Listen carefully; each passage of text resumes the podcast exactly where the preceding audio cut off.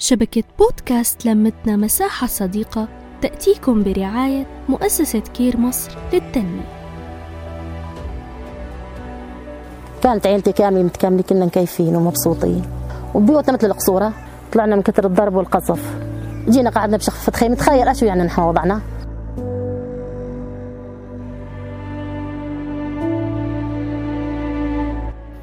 الدول العربية خلال السنين اللي فاتت شهدت سلسلة من الثورات والنزاعات المسلحة الداخلية اللي أسفرت عن تدفق موجات من اللاجئين كتيرة جدا فارين من الحروب وكمان من الباحثين عن ظروف معيشية أفضل. اللي آخرها النزاعات الموجودة في السودان ونزوح حوالي 2 مليون شخص داخليا. الإحصائيات التابعة لمنظمة الأمم المتحدة قالت إن الدولة بتستضيف اللاجئين اللي بيهربوا من الحروب والصراعات هي كمان بتعاني.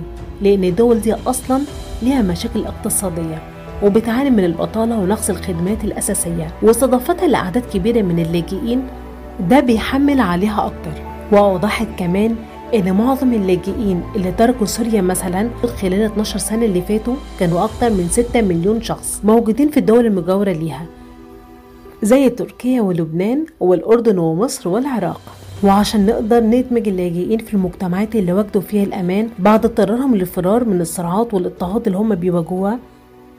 الأمم المتحدة حددت يوم 20 يونيو من كل سنة يوم عالمي للاجئين عشان يكون تكريم ليهم في جميع أنحاء العالم. وكمان بتسلط الضوء على قوة وشجاعة المجبرين على الفرار من أوطانهم. وكمان اللي بيهربوا من الصراعات والنزاعات. السنة دي الأمم المتحدة بتحتفل بيوم العالمي تحت شعار الأمل بعيد عن الديار. مش كده وبس ده بيعتبر كمان تكملة لجهود المنظمة بعد وضع اتفاقية سنة 1951 الخاصة بوضع اللاجئين واللي شملت بنود كتيرة جدا.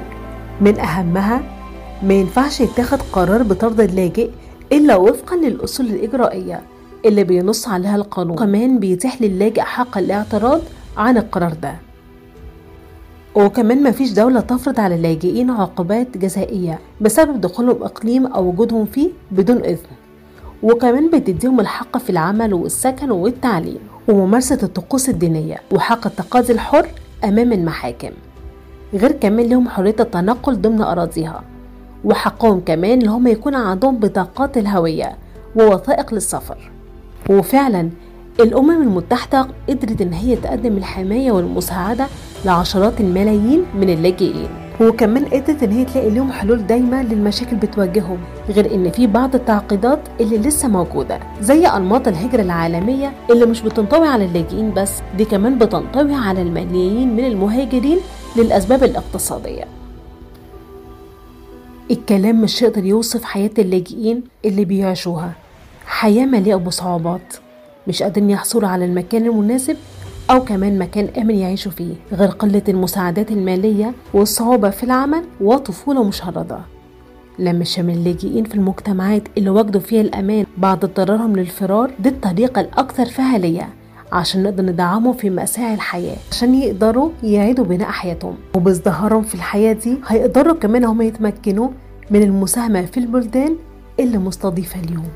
اللاجئين من كل حتة دول إخواتنا وأشقائنا. ايدينا في إيدين بعض هنقدر إزاي اللي إحنا نعيد الأمم مرة تانية. نحكي نتشارك نتواصل.